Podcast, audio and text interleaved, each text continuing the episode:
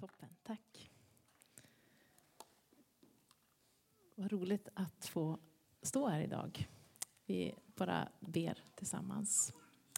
Herre, jag tackar dig för att du är nära. Tack för att vi får öppna dina hjärtan, våra hjärtan för vad du vill säga till oss idag. Amen. Back to the roots. Vi följer Apostlagärningarna och ska gå igenom hela Apostlagärningarna under det här året är det tänkt. Eh, och vi har kommit fram till Apostlagärningarna 6, vers 1-7 som vi hörde Adam läsa från början. Jag skulle vilja läsa en berättelse från en bok som heter Varför växer gräset? Och där finns en text som heter Varför växer inte trädet? En liten pojke fick när han fyllde fem år en planta av sin faster. Det var en mycket speciell planta, berättade fasten. En sorts ek som om den sköttes väl och fick mycket ljus och kärlek skulle växa upp till ett ståtligt och livsbejakande träd. Pojken han gladde sig åt sin gåva och kunde knappt bärga sig tills han skulle få se det där vackra trädet växa. Han valde ut en solig plats i trädgården och så planterade han omsorgsfullt den lilla plantan. Om sommaren så vattnade han och om vintern så skyddade han eken. Men fast han talade till den och ömt vårdade den så hände det inte så mycket. Den växte inte alls så fort som pojken hade tänkt sig. Åren gick och pojken han fortsatte att vattna. Ibland var det slentrianmässigt och ibland var det hoppfullt. Och så plötsligt en sommar när pojken var i övre tonåren så började trädet växa med en väldig fart. På en enda sommar så reste det sig från en halv meter till närmare två. Året därpå växte det ytterligare och den tredje sommaren så prydde trädet i all sin prakt trädgården. Den unge mannen stod en dag och betraktade sin ek och funderade. Jag begriper inte varför trädet helt plötsligt satt jag att växa med en sån fart. Under hela min barndom så verkade det knappt utvecklas alls. Men de senaste somrarna så har det skjutit iväg flera meter. Jag undrar om det är något jag gör nu som jag gör rätt, som jag gjorde fel tidigare. Hans faster var där och gav honom en öm blick och inflikade.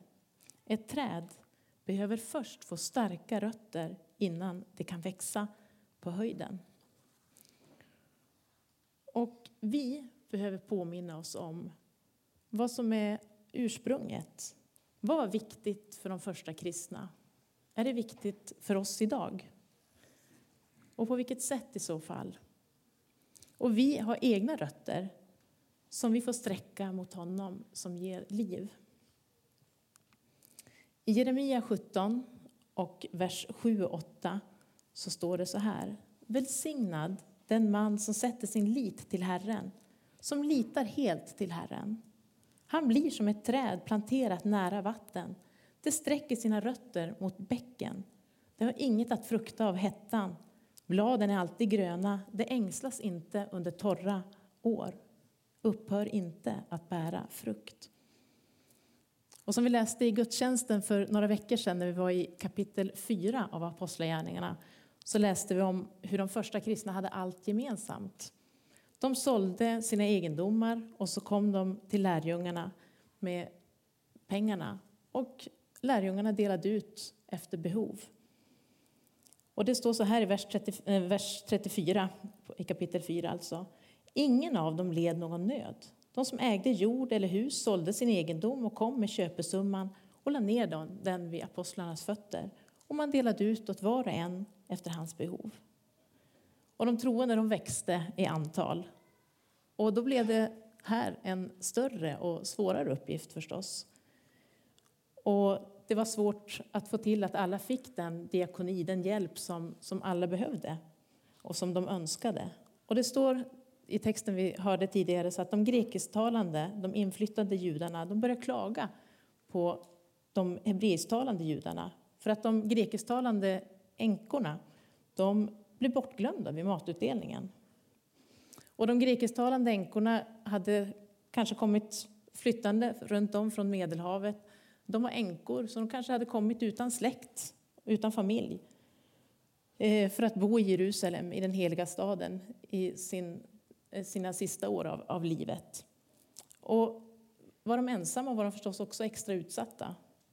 Kanske gjorde också språket, kulturen, att de inte fick den hjälp som de borde. Men de tolv de samlade ihop alla lärjungarna för att hitta en lösning på problemet. Och gott kristet ledarskap, det ser vi i de här verserna. De lyssnar. De lyssnar till behoven. Vad, vad var det som inte fungerade? Vad var det som inte stämde? De har också fokus på visionen. De funderade på vad är viktigt? Vad är det som är riktigt viktigt? Ja, det är ju att nå ut med budskapet, att fler skulle få höra om Jesus och att leda på ett rätt sätt.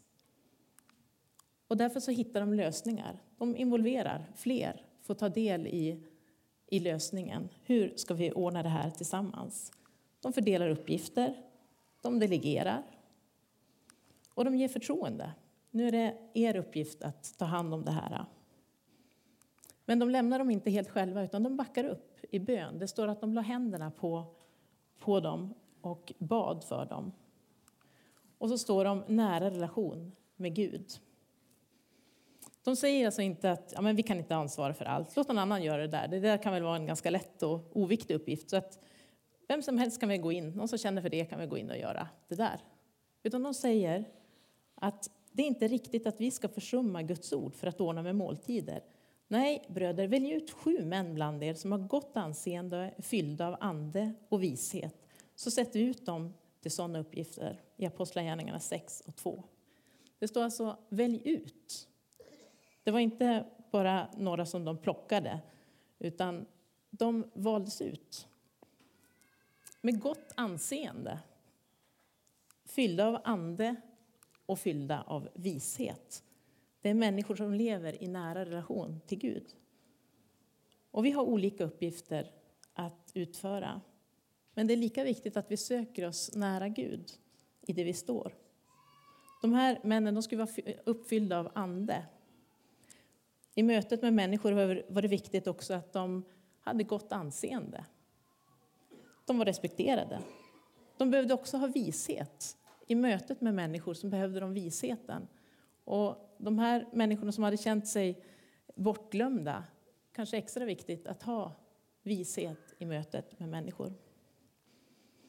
Det står att alla de församlade gillade förslaget och de valde Stefanos, en man fylld av tro och helig ande, Filippos, Prokoros, Nikanor, Timon, Parmenas och Nikolaus, en proselyt från Antiochia och förde dem fram till apostlarna som bad en bön och la sina händer på dem. Och det står att Guds ord vann spridning.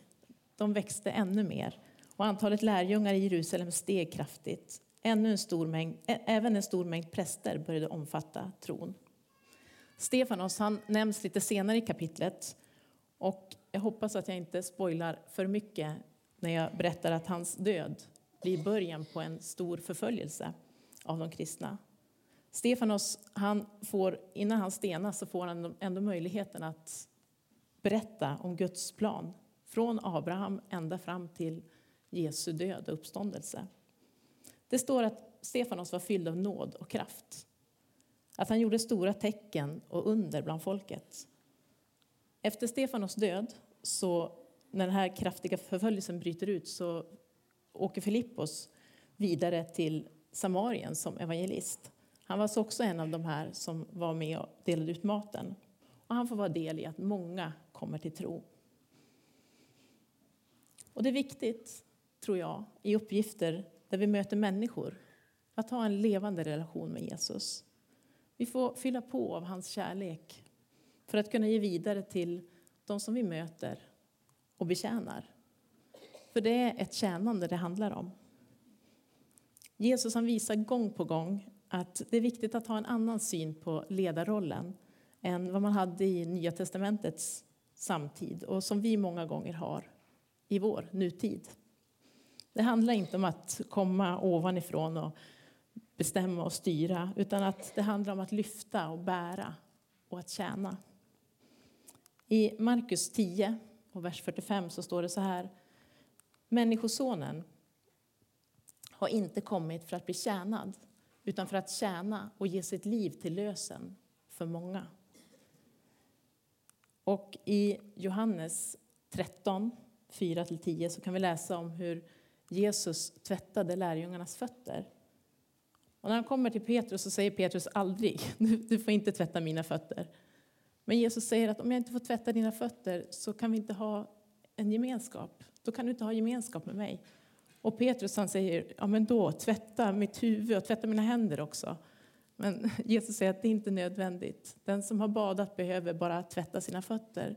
Men det visar hur Petrus, vad viktigt det var för honom att ha den här relationen med Jesus, att komma nära honom.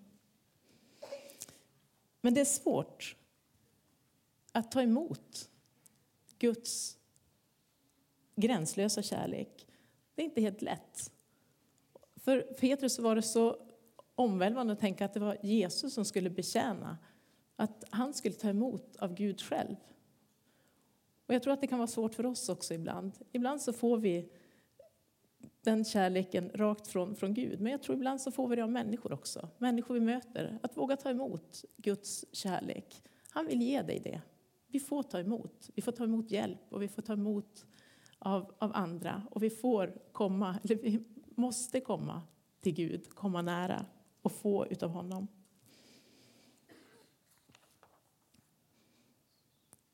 Och vi får ta både Petrus och Jesus som förebilder. Petrus han tog emot det Jesus gav honom. Han lät sig betjänas av Gud själv. Och Jesus visar också där på hur vi ska vara mot varandra. Vi ska inte gå in i ledarroller, olika uppgifter för att styra och för att ställa, utan det är inte heller för att få makt, för att vara någon, utan för att förtjäna och visa på Guds stora kärlek. Vi har olika uppgifter. Jag tycker om bilden av ett pussel.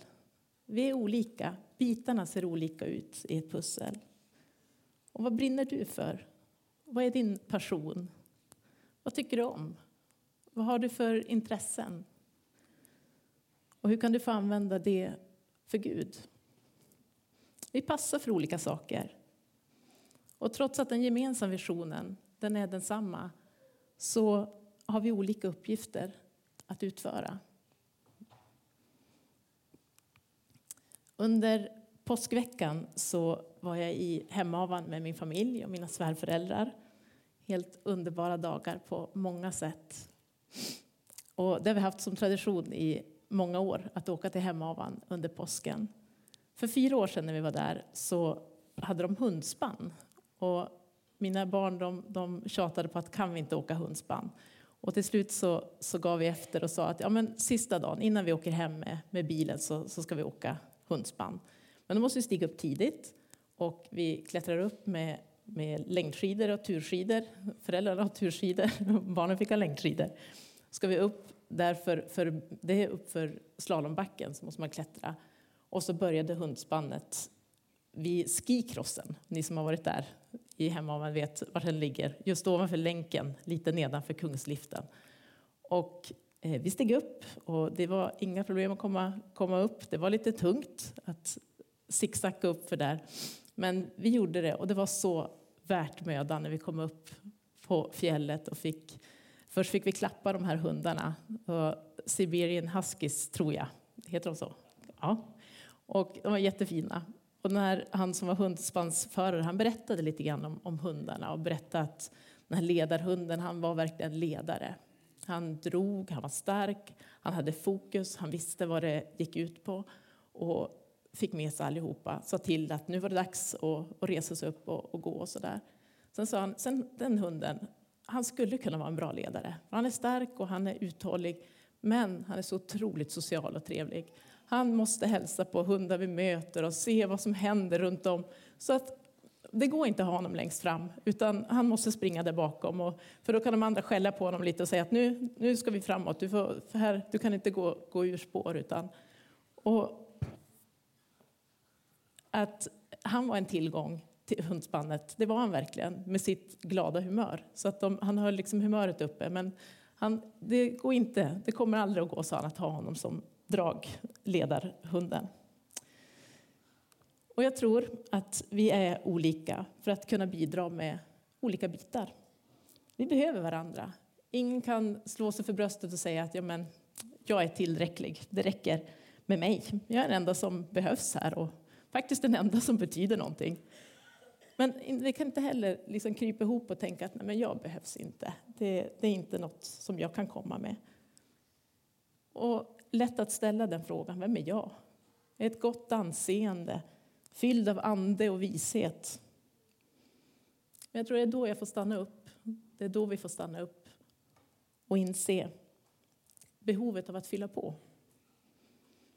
Hämta kraft och styrka hos Gud. Andas genom honom.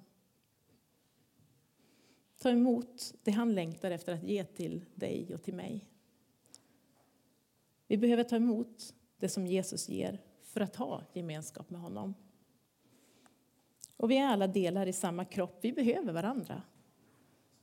Vi är grenar i samma träd, förankrade i honom som, som ger liv. Vi får bära frukt genom att vi sitter stadigt förankrade, stadigt rotade i Jesus. Idag så avslutas U18-VM i hockey, för ni som är intresserade. Det har ju varit både i Umeå och i, Övik. Och igår kväll så spelade Sverige en mycket spännande semifinal mot Kanada och gick vidare till kvällens final i Örnsköldsvik mot Ryssland.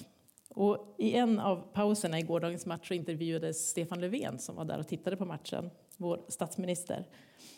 Och han intervjuades om ledarskap och hur lilla Sverige kan stå upp både på juniorsidan och seniorsidan mot nationer som är mycket större än Sverige, som har många fler hockeyspelare att välja på. Och han menar att det är tack vare rätt ledarskap. Förmågan att skapa ett team som litar på varandra, ett lag som ger allt för varandra. Och så fick han frågan vad är bra ledarskap? Och då svarade han väldigt snabbt, det är att få andra att växa. Att få din omgivning att växa. Så den bibliska tanken den håller även i hockey och i politiska sammanhang.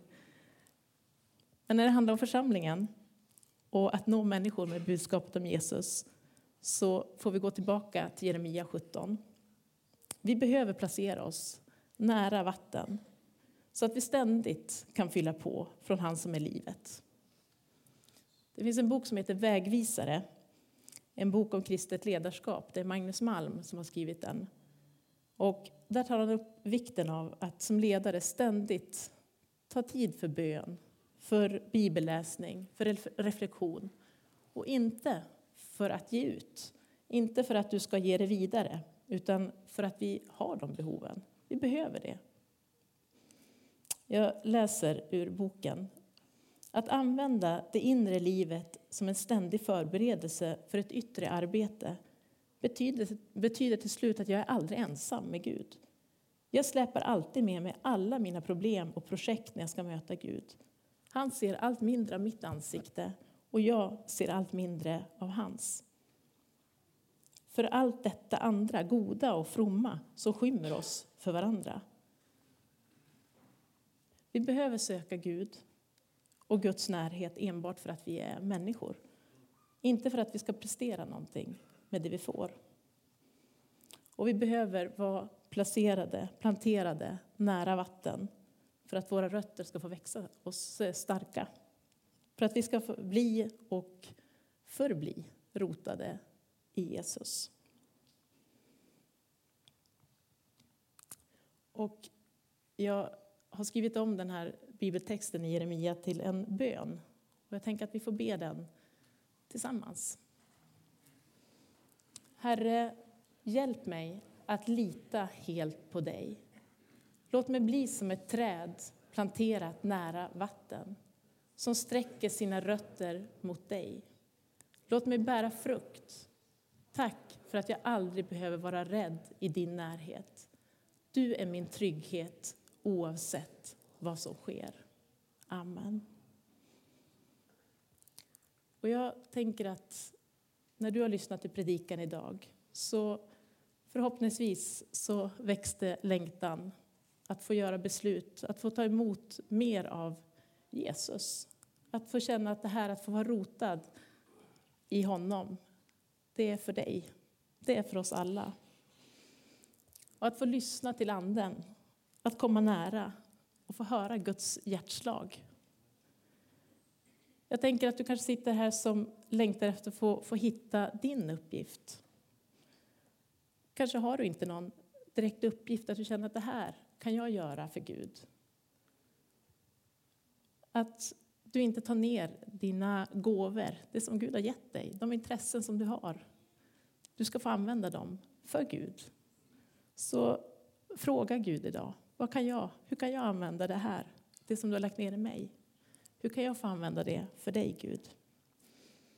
Jag tänker du som är ledare i olika sammanhang, att få utveckla ledarskapet. Att det får handla ännu mer om relationen med Jesus. Att ditt tjänande utgår från din gudsrelation. Att ta emot vad Gud ger och att det inte handlar om att det du tar emot bara ska, ska ges till någon annan utan du behöver få ta emot för att du är människa, för att du behöver det. Herre, jag tackar dig för att du är nära, Herre. Tack för att du längtar efter relation med oss människor.